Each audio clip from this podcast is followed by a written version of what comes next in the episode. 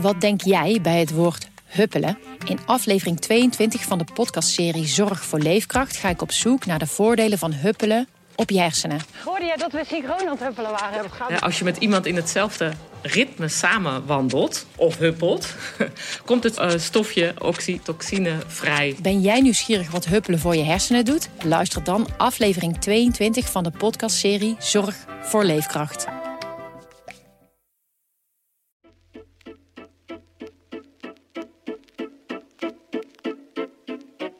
Hallo, dit is Haars Half Uurtje, de politieke podcast van Trouw. Mijn naam is Christophe Smit. Decennia lang ging er veel leed schuil achter de misstanden rond adoptie, zowel binnenlands als buitenlands. Niet bepaald een onderwerp dat dagelijks op de politieke radar staat hier in Den Haag. Uh, maar die politiek heeft er wel al die tijd vaak mee te maken gehad. Uh, en als iemand daar in onze redactie veel over weet, dan is het Petra Vissers. Petra, welkom. Dankjewel. Jij bent al jarenlang bezig met uh, adoptiezaken. Ja. En dit jaar met name heel druk geweest met een podcast. Ja. De gestolen kinderen. Ja. waar ging die precies over? Uh, over adoptie. het is een podcast die um, begint met het verhaal van Mirjam. En Mirjam is geadopteerd uit Chili. En um, ja, zij is heel lang op zoek geweest naar meer informatie over haar biologische familie. Uh, en over ja, wat er is gebeurd rondom, uh, rondom haar adoptie naar Nederland. En zij mailde mij, ja, inmiddels ook alweer twee jaar geleden. Um, ja, met, een, met een heel verhaal over een, een corrupte non en het schending van haar mensenrechten. En toen dacht ik, ja, wat is hier aan de hand? Dan heb ik haar opgebeld. En wat bleek nu? Zij is op den duur een uh, Nederlandse non tegengekomen die decennia lang in Chili heeft gewoond. Die heeft haar geholpen om haar Chileense familie te vinden. En toen bleek na twintig jaar dat nou ja, dat hele verhaal wat haar verteld was over die familie en over um, haar biologische moeder, dat dat eigenlijk helemaal niet klopt. Nou, dat is het vertrekpunt van de podcast. En hij is acht afleveringen. En um, nou ja, in die acht afleveringen probeer ik het verhaal van Mirjam te reconstrueren. Maar hij gaat ook over, ja, breder wat er eigenlijk allemaal mis is gegaan um, met de adoptie van buitenlandse kinderen. Ja, ja. Want, precies, want uh, haar verhaal staat natuurlijk niet op zichzelf, nee, maar staat nee. voor een groter uh, fenomeen. Zeker. Wat, wat is dat grote fenomeen? Wat is er nou precies misgegaan al die jaren? Nou, wat uh, de podcast begint eigenlijk, hè, begint met het verhaal van Mirjam, maar vervolgens vertel ik natuurlijk ook over die bredere context. En dat is die van adoptie van kinderen uit het buitenland. En wat misschien ook wel goed is om te vertellen, die, die mail die Mirjam heeft gestuurd, die kwam bij mij terecht omdat ik eerder al eens onderzoek heb gedaan naar binnenlandse adopties. Dus dat zijn Nederlandse kinderen die naar Nederlandse echtparen gingen. En uh, dat kon vanaf uh, 1956. Toen is de wet aangenomen uh, in Nederland waarmee dat kon. En wat je eigenlijk ziet is dat dus eerst Nederlandse echtparen heel veel Nederlandse kinderen adopteren. En dan vanaf begin jaren zeventig... Um, ja, dat klinkt heel naar, maar dat was het wel een beetje krimpt het aanbod van kinderen die ter adoptie worden aangeboden. Want de anticonceptiepil komt beschikbaar, vrouwen krijgen meer eigen rechten. Um, en dan gaan echtparen die graag een kindje willen en niet zelf een kindje kunnen krijgen, die gaan naar het buitenland kijken. En dat was een periode. Ik heb ook René Hoksberg gesproken, emeritus hoogleraar adoptie, zit ook in de podcast. En hij was betrokken bij die beginperiode. En hij vertelde ook dat was een soort roze wolk, want ja, wij gingen kinderen uit het buitenland halen en die kinderen waren zielig en, en arm en wij gingen ze redden. En het was natuurlijk ook de periode van ja, de hongerkindjes in Biafra. Weet je wel, de derde wereld was nog een soort begrip wat heel zwart-wit was. Um, en in die context is, is Mirjam ook naar Nederland gekomen. Zijn heel veel kinderen uh, naar Nederland gekomen uit het buitenland. En ja, eigenlijk al vrij snel bleek dat er heel veel mis is gegaan. En zeker de laatste jaren is dat in een soort stroomversnelling terechtgekomen. En is gebleken dat er echt uh, een substantieel aantal kinderen ja, dan wel gestolen is, dan wel onder valse voorwendselen is weggehaald, dan wel incomplete dossiers heeft ja, daar zit heel veel leed achter, uh, achter verscholen. Ja, en het heeft natuurlijk ook van alles te maken met de politieke sfeer van die tijd. Hè? We hebben het over de jaren 50, 60. Ja, jaren, uh, ja. ja. Dat eigenlijk 50, het algemene beeld was, eh, wij doen iets goeds. Ja. Eh, wij redden die kinderen eh, uit arme landen.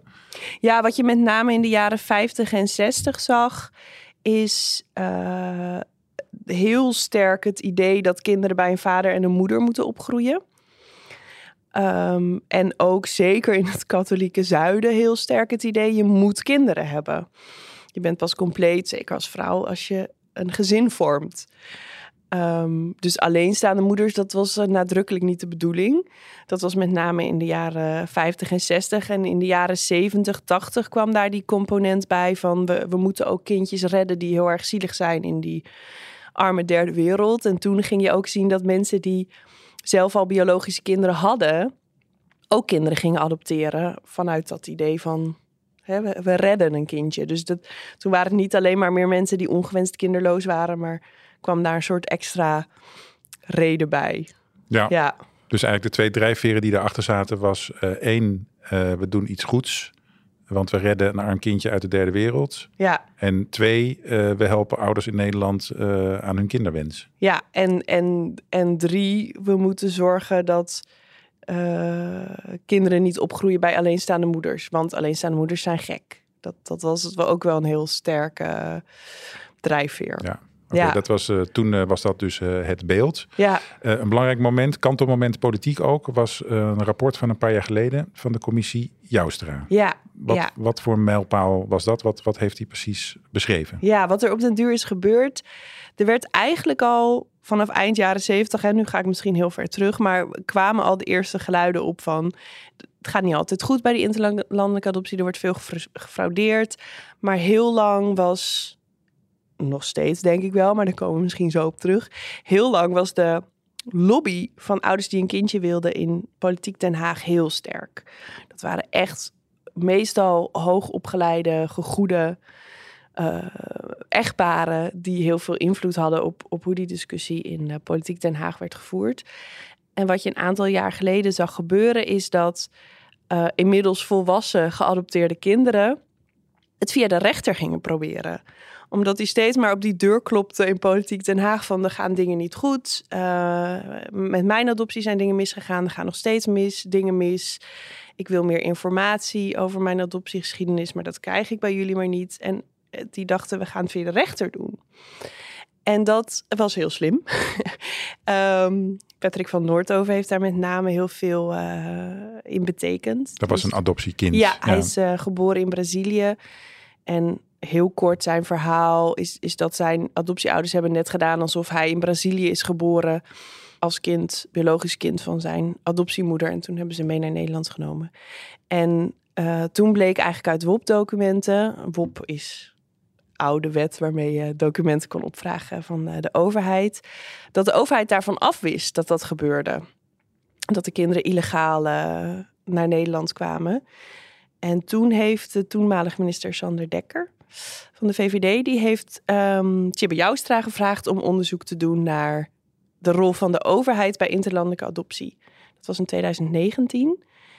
En uh, dat, dat onderzoek kwam en dat sloeg in als een bom. Dat was zoveel scherper en heftiger en uh, groter ook dan iedereen had gedacht. Of niet iedereen. Ik denk dat veel geadopteerde kinderen dit uh, wel wisten. Maar um, dan in ieder geval politiek Den Haag door had. Het ging dan eigenlijk vooral over de rol van de overheid hè, bij, ja. bij die adopties. Die, ja. uh, ik las ook wat conclusies in dat rapport. En ik, mijn gedachten dwaalden ook af naar de kindertoeslagenaffaire. Want het is niet mals. dat soort formuleringen staan er wel in. Hè, van de overheid wist het, maar deed niks. Ja, uh, ja want wat, wat de Nederlandse overheid eigenlijk tot dan toe altijd had gedaan, was zeggen van ja, je vindt het ook heel erg wat er is gebeurd. En we erkennen ook wel dat dit is gebeurd. Maar ja, wij konden niks aan doen. Dat was de Braziliaanse overheid, of dat, was, uh, dat ging mis in Sri Lanka, of uh, nou, in Chili, in het geval van uh, de gestolen kinderen.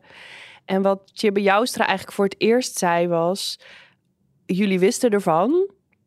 En als je er niet van wist, dan had je het moeten weten. En soms dus, deden ze zelfs aan mee, was ja. ik in het rapport. Ja. Ja, ja, en er zijn, er zijn ook wel echt sterke aanwijzingen dat er ook ambtenaren van de Nederlandse overheid betrokken zijn geweest bij, uh, bij fraude en, en ander gerommel. En dat was eigenlijk voor het eerst dat dat zo zwart op wit stond. eh, enerzijds van hè, de Nederlandse overheid wist het, stond erbij en keek ernaar, werkte er soms zelfs aan mee. Anderzijds was Tjibbe Joustra ook heel erg, of die commissie Joustra, heel erg stellig in de conclusie dat ehm, dat systeem van interlandelijke adoptie en de enorme machtsverschillen die er inherent zijn tussen Nederlandse ouders die een kindje willen en mensen aan de andere kant van de wereld die in een heel lastige situatie zitten, dat het machtsverschil zo groot is dat je eigenlijk ook geen systeem kunt maken wat niet ontzettend gevoelig is voor fraude en corruptie en, en kinderhandel. Dus dat was natuurlijk heel uh, pittig. Ja, precies. Want uh, waar het eigenlijk heel specifiek om bij die misstanden om gaat, dat, dat zijn dus echt moeders die gewoon uh, niet weten dat hun kind is naar Nederland bijvoorbeeld ja. is overgebracht. Die krijgen te horen dat hun kind is overleden. Ja. Leugens. En aan de andere kant die adoptiekinderen die niks kunnen achterhalen van hun geschiedenis, want archieven zijn vernietigd. En ja. Dat zijn eigenlijk de twee grootste slachtoffergroepen, hè? als ik het zo Ja, je hebt aan de ene kant zitten inderdaad de uh, vrouwen en soms ook mannen hoor. Tegen wie soms inderdaad flat out gezegd is, dat zit ook in de podcast, jouw kind is overleden. Uh, en waar is mijn kind dan? Ja, die hebben we ook al begraven. Waar hebben jullie hem dan begraven? Ja, gewoon waar we alle kinderen begraven. Uh, en dan staat twintig jaar later zo'n zo'n kind ineens voor hun neus. Um, dat is het meest heftige scenario, zou ik maar zeggen. Maar soms werd er bijvoorbeeld ook tegen moeders gezegd: Ja, jij bent een alleenstaande moeder. En uh, we gaan jouw kind niet dopen, want jij bent alleenstaand. Dus die belandt dan in de hel. Dus je kunt hem beter afstaan. Nou, dat is ook weer een vorm van manipulatie. Of jouw kind is heel erg ziek.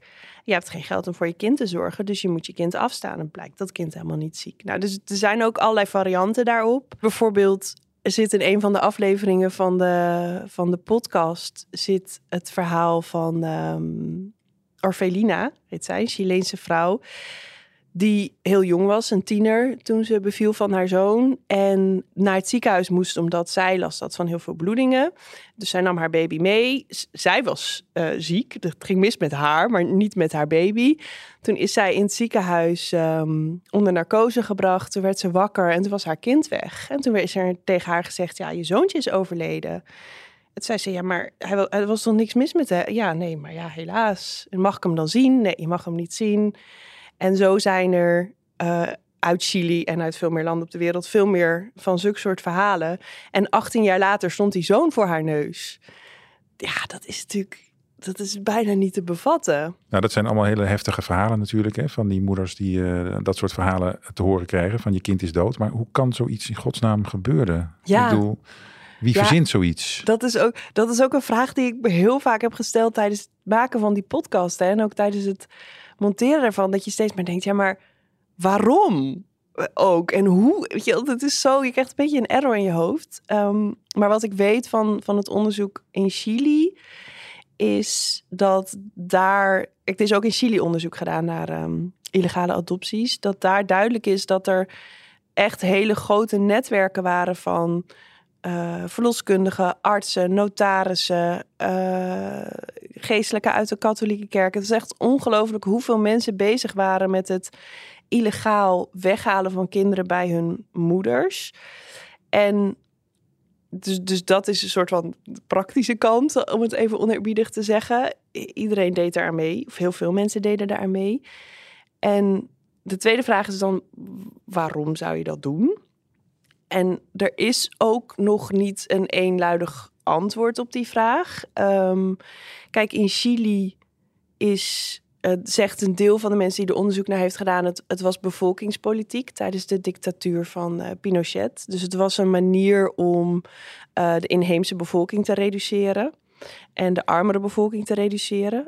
Um, het is ook wel zo dat veel van de mensen die ik heb gesproken in het kader van dit onderzoek zijn kinderen en uh, moeders uit de Mapuche-gemeenschap, de grootste inheemse bevolking daar. Andere onderzoekers zeggen ja, daar had het niet echt mee te maken. Het heeft meer te maken met uh, geld. Je kon er Precies. gewoon heel veel geld aan verdienen. Ja, want ze zien daar een westers land, uh, ja. Nederland. En daar hebben ze een zak met geld en die willen uh, kindjes kopen. Ja, en die ouders en die Nederlandse echtparen... die hebben enorme hoeveelheden geld. Zeker toen voor Chileense begrippen. En die betalen mensen dachten echt dat ze het beste deden voor die kinderen. Ze waren er echt van overtuigd dat je hoe dan ook in Europa beter af bent dan in Chili. ik denk zelf dat het in heel veel gevallen ook een soort giftige cocktail is geweest van die drie redenen. En ik misschien ook per persoon verschilde hè, wat precies de balans was tussen die drie verschillende elementen. En er was ook nog een religieuze component, uh, denk ik. Hè? Want ja, er werd ook altijd. zieltjes. Ja, en ja. verdedigd dat die dan in Nederland bij een goed christelijk ja. gezin uh, ondergebracht werden. Dus, heel, dus dat zit goed. Dat zie je heel sterk in het verhaal van Mirjam. Dat vond ik ook wel een van de hele tragische, verdrietige uh, elementen in dat verhaal van Mirjam. Dat zij op de natuur ging vragen naar haar Chileense familie, haar biologische moeder. Wat mij een heel legitieme vraag lijkt. En dat steeds maar tegen haar werd gezegd van wat ben je ondankbaar. En je zit toch bij een goed christelijk gezin. En je hebt toch een christelijke opvoeding gehad. En dus dat was zeker in het verhaal van Mirjam en zeker uh, zo eind jaren 60, begin jaren 70 ook een hele sterke factor.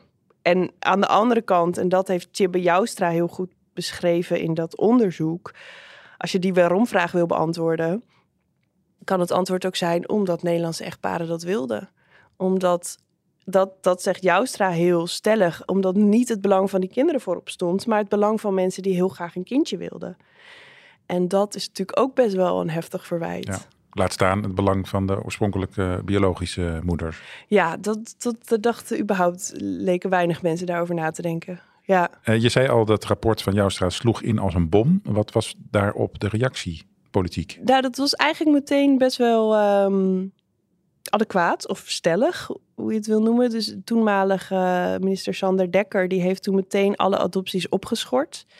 Dus die zei meteen, uh, we stoppen ermee tot, uh, ja, tot we weten hoe we verder moeten. Ja, dat was begin 21, hè, geloof ik. ja. ja. Ja, ja begin 2021. Dus die reageerde daar heel snel en uh, heel um, stellig op. En toen zijn meteen alle adopties uit het buitenland opgeschort tot, uh, hij zei tot, tot we weten hoe we verder moeten. Degene die er verder mee is gegaan is de huidige demissionair minister voor rechtsbescherming. Dat is Frank Weerwind. En die uh, heeft de mogelijkheid tot uh, adoptie van kinderen uit het buitenland weer hervat. Dus mm -hmm. dat kan in principe weer. Daarbij heeft hij wel gezegd, we gaan het stelsel omgooien. Dus hij zegt, ehm, het is nu zodanig, of het wordt zodanig, dat de kans op fraude en corruptie en al die misstanden veel kleiner is. Maar je, je zou zeggen, hij heeft het stelsel al omgegooid, voordat hij dat weer. Mag je hopen? Of ja, is het zo niet gegaan? Nou ja, het is dus, ze zijn nu bezig. Er, er zijn verschillende bemiddelingsorganisaties bijvoorbeeld. En er moet dan één bemiddelingsorganisatie komen.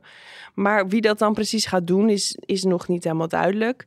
Het kan nu maar uit een beperkt aantal landen, waarvan. Um, de minister zegt, ja, dat zijn landen waar kinderen echt niet zelf kunnen blijven en waarin het echt niet mogelijk is om goed voor kinderen te zorgen. Welke landen zijn dat? Nou, wat daar dus bijvoorbeeld best wel opvallend aan is, is dat de Verenigde Staten daartussen zitten.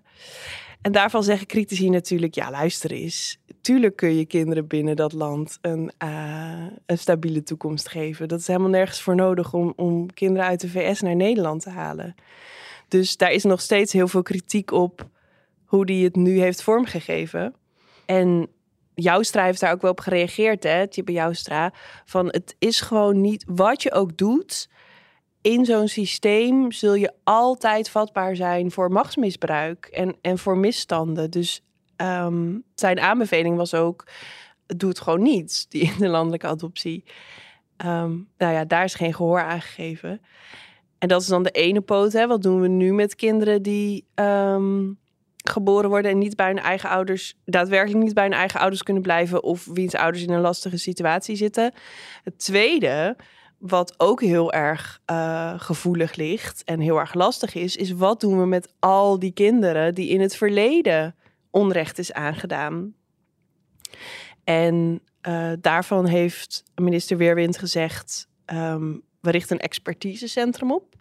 Dus dat is nu sinds begin dit jaar zijn die begonnen. INEA heet het. En ja, dat moet kinderen helpen als ze bijvoorbeeld vragen hebben over zoektocht naar hun uh, familie of um, over waar ze bepaalde archieven kunnen vinden of hoe ze hun naam kunnen veranderen. Uh, zulke soort dingen. Maar ik hoor van, van veel geadopteerde kinderen met wie ik contact heb dat ze ook over dat expertisecentrum niet tevreden zijn. Dus er ligt nog heel veel uh, open en, en er zijn nog heel veel oud zeer wat nog lang niet um, hersteld is. Ja, want in feite heeft, dat, heeft die uh, adoptiestop vrij kort geduurd, toch? Van begin 21 tot vorig jaar. Ja, iets meer dan een ja. jaar. Is, er, is daar enorme druk van geweest van in de adoptieouders? Want dat was natuurlijk al vroeger een sterke lobby. Ja, uh, ja, ik zei net al, die lobby van adoptieouders was, of wensouders, adoptieouders, was in de jaren zeventig al heel sterk. Oh ja, in de jaren 50 eigenlijk al, toen de adoptiewet uh, tot stand kwam. En die lijkt dat nog steeds te zijn. Uh, want ja, dat vond ik toch ook wel tekenend. Weet je wel, er was natuurlijk dat hele rapport van de commissie Joustra over, over wat kinderen en, en moeders is aangedaan in het buitenland. En dat ging echt ook over, we hadden het net over kinderen die zijn gestolen, maar het ging bijvoorbeeld ook over babyfarming in Sri Lanka. Dus moeders die bij elkaar werden gebracht met het enige doel om te baren voor het buitenland. Ja, nou, Klinkt een beetje als die Handmaid's uh, nou, Tale-serie. Ja. ja. ja, dus uh, heel heftig rapport. We schorten buitenlandse adoptie op. En ja, organisaties van wensouders en bemiddelingsorganisaties... die gingen onmiddellijk, ja maar, ik wil graag een kindje. Ja, maar ik sta al heel lang op de wachtlijst. Ja, maar ik ben zo ver... En dat snap ik, hè? Want het lijkt me, het lijkt me verschrikkelijk als je ongewenst kinderloos bent. En, en heel erg verdrietig. Eh, ik heb geen idee hoe dat is. Maar um, ik dacht toen wel, ja, maar het draait dus nu even niet om jullie.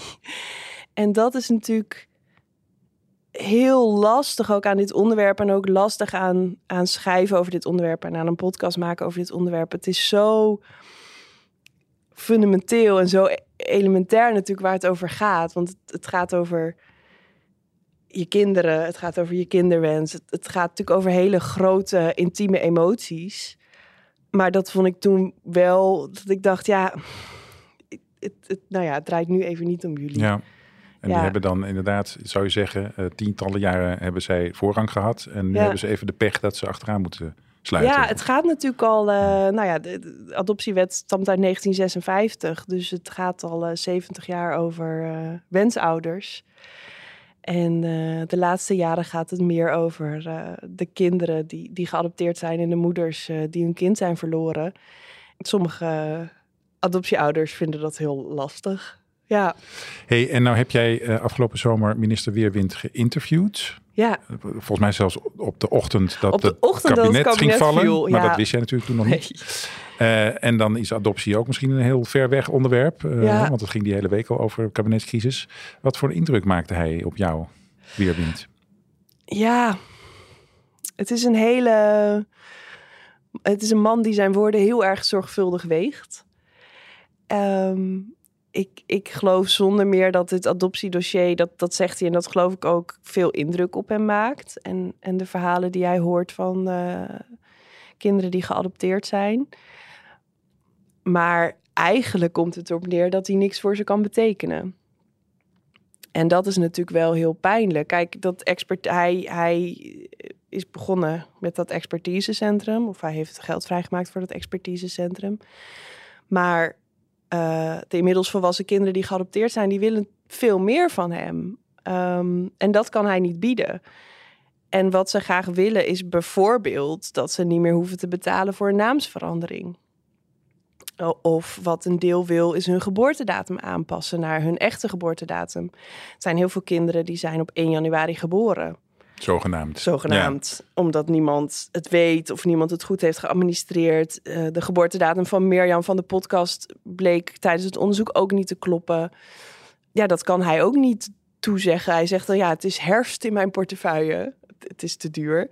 En wat hij ook doet, of het kabinet doet, en dat, dat nemen veel mensen hem ook heel erg kwalijk, is dat hij in heel veel rechtszaken blijft doorprocederen. Dus er lopen een aantal rechtszaken, zowel van kinderen die uit het buitenland geadopteerd zijn, uh, als van Nederlandse moeders die hier hun kind zijn kwijtgeraakt. Wat het kabinet in eerste instantie deed, ook het vorige kabinet al, is zich dan beroepen op de verjaringstermijn. Wat natuurlijk voor veel mensen heel pijnlijk is. Nou, daar heeft de Tweede Kamer um, een stokje voor gestoken. Die heeft een paar jaar geleden uh, het kabinet opgeroepen om dat niet meer te doen. Nou, dus dat doen ze niet. Dus ze worden nu wel inhoudelijk behandeld. Maar bijvoorbeeld in de laatste zaak van uh, Dilani Butink, die is geadopteerd uit Sri Lanka. Die heeft twee keer gelijk gekregen van de rechter, is Weerwind nu weer in cassatie gegaan. En hij zegt, ja, maar ik wil tot op de bodem uitgezocht hebben in hoeverre de staat aansprakelijk is voor foute adopties. Ja, Dilani Butink en velen met haar, die zeggen, ja, maar je, je blijft mij door dit proces slepen. En het kost me geld, het kost me energie, eh, weet je wel, het, het super heftig. En, eh, en de staat blijft dat maar doen. Dus dat, ja, dat wordt hem ook niet in dank afgenomen. En er was er deze zomer ook nog nieuws, volgens mij van jouzelf, over die archieven die eh, illegaal vernietigd uh, zijn. Ja. Hoe zat dat precies? Ja, nou ja, dat was um, ook dankzij een, een, een, vrouw die geadopteerd is. Die um, was op zoek naar meer informatie over de Nederlandse administratieve kant van haar adoptie. En um, die kon die archieven nergens vinden. Bleken die archieven vernietigd. En dankzij haar is het door. Zij heeft gevraagd om aan de inspectie die toezicht houdt op de archiefwet in Nederland, of die archieven vernietigd hadden mogen worden. En dat was heel interessant, want die zei afgelopen zomer van nee, dat had niet mogen gebeuren. Dus er zijn um, ja, meters en meters aan, uh, aan dossiers vernietigd met informatie over adopties. En dat dat niet gemogen. Ja, dat is natuurlijk ook heel pijnlijk. En wat die inspectie ook zei, is er ligt nog steeds heel veel archiefmateriaal overal en nergens. Zorg nou alsjeblieft dat het vanaf nu niet weer kwijtraakt. En dat is dus ook de vraag wat een nieuw kabinet met die oproep ja. gaat doen. Ja, ik heb bijvoorbeeld toen ik dus dat onderzoek deed naar binnenlandse adoptie, toen heb ik een vrouw gesproken die uh, ook heel lang op zoek is geweest naar haar adoptiedossier. En dat was dus in de loop der jaren uh, door allerlei verschillende archiefeigenaren gegaan en uiteindelijk beland in een natuurhistorisch museum. Ja, dat is de realiteit waar heel veel inmiddels volwassen kinderen mee te maken hebben. Ja, dat het is natuurlijk niet te doen eigenlijk. Nee. Nee. nee. Hey, uh, jouw podcast uh, De Gestolen Kinderen, um, die heeft ook heel wat reacties losgemaakt. Uh, en daar zijn ook kamervragen over gesteld. Ja, door de SP. Wat, wat, is dat, ja. wat was dat precies? Nou ja, de SP heeft inderdaad naar aanleiding van de publicatie van de adoptie kamervragen gesteld aan Weerwind. Ja, dus wat meer specifiek op dat verhaal van Mirjam gericht. vragen bijvoorbeeld over of Weerwind nog wat meer kon betekenen in de relatie met de uh, Chileense overheid, of die nog meer informatie hebben, of die ook wat meer kon betekenen voor kinderen die in hun zoektocht naar uh, biologische familie mensen tegenkomen die hun werk niet goed doen, al dan niet bewust, onbewust, dus verkeerd gekoppeld worden. Um, ja, dat was een beetje teleurstellend, want de antwoorden was eigenlijk dat dat, dat, dat niet kon. Dat hij eigenlijk niet zoveel niks voor die kinderen kan betekenen. En dat toen kwam weer dat expertisecentrum tevoorschijn. Dus dat zit voorlopig uh, een beetje vast. Hey, je hebt het al een tijdje over dat expertisecentrum, maar dan denk ik onwillekeurig van, is dat niet weer zo'n labmiddel van, we gooien er nog eens een denktank tegenaan of een bemiddelaar en dan uh, zien we over tien jaar wel weer verder? Ja, dat, dat is wel het verwijt wat veel mensen weerwind maken. En um, vooralsnog zou dat inderdaad best waar kunnen zijn. Ja, het is ook een beetje flauw. Ik, je hoort mij een beetje twijfelen, maar dat komt omdat ze ook nog maar een paar maanden geleden open zijn gegaan. Dus wie weet uh, valt het allemaal uh, ontzettend mee en kunnen ze heel veel betekenen voor die groep. Maar het, het, heel fundamenteel is het allemaal niet. En dat is best wel, het is heel frustrerend. En ik snap ook de frustratie van heel veel uh, geadopteerde kinderen. Omdat het zo'n nou, wat ik net zei, het is zo'n fundamenteel iets. Het is een mensenrecht om op te groeien bij je eigen familie, om een familieleven te hebben.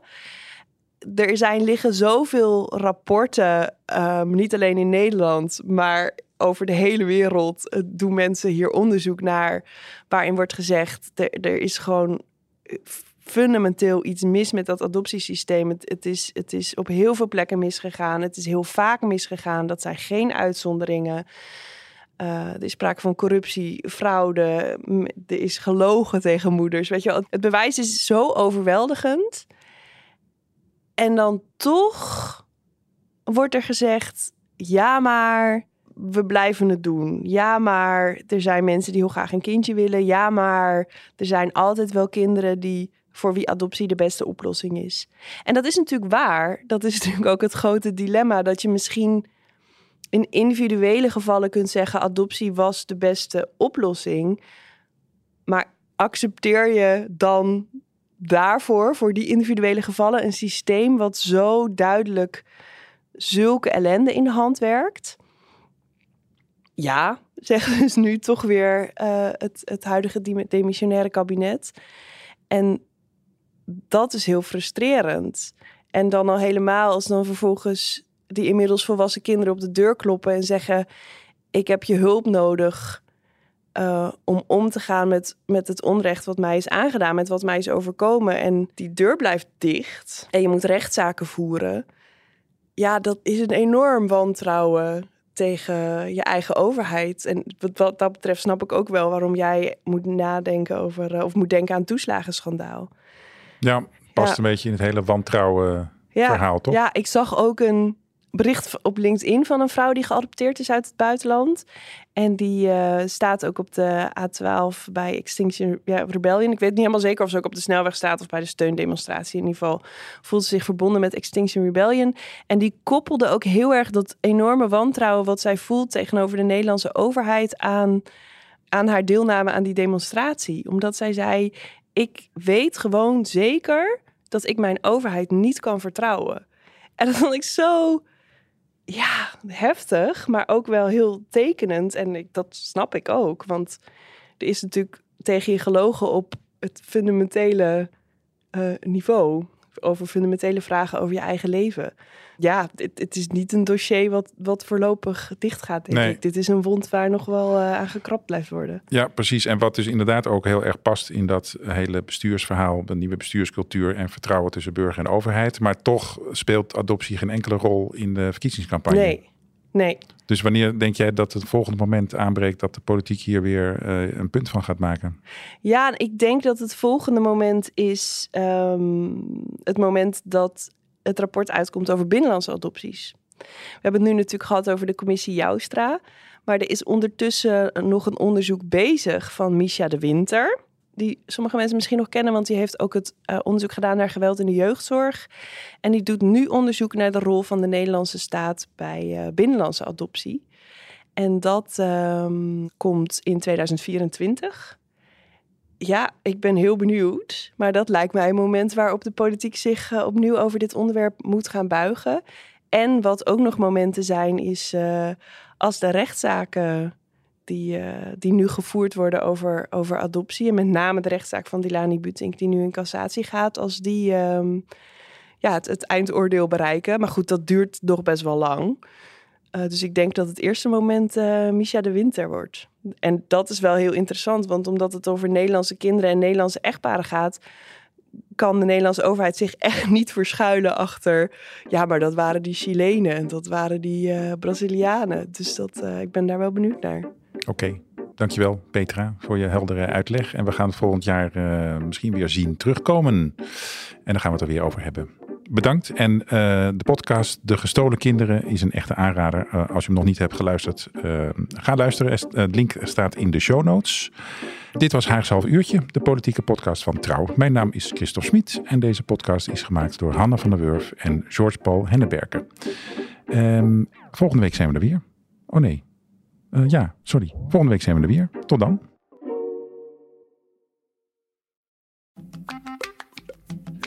Wat denk jij bij het woord huppelen? In aflevering 22 van de podcastserie Zorg voor Leefkracht ga ik op zoek naar de voordelen van huppelen op je hersenen. Hoorde jij dat we synchroon aan het huppelen waren? Ja, als je met iemand in hetzelfde ritme samen wandelt of huppelt, komt het uh, stofje oxytocine vrij. Ben jij nieuwsgierig wat huppelen voor je hersenen doet? Luister dan aflevering 22 van de podcastserie Zorg voor Leefkracht.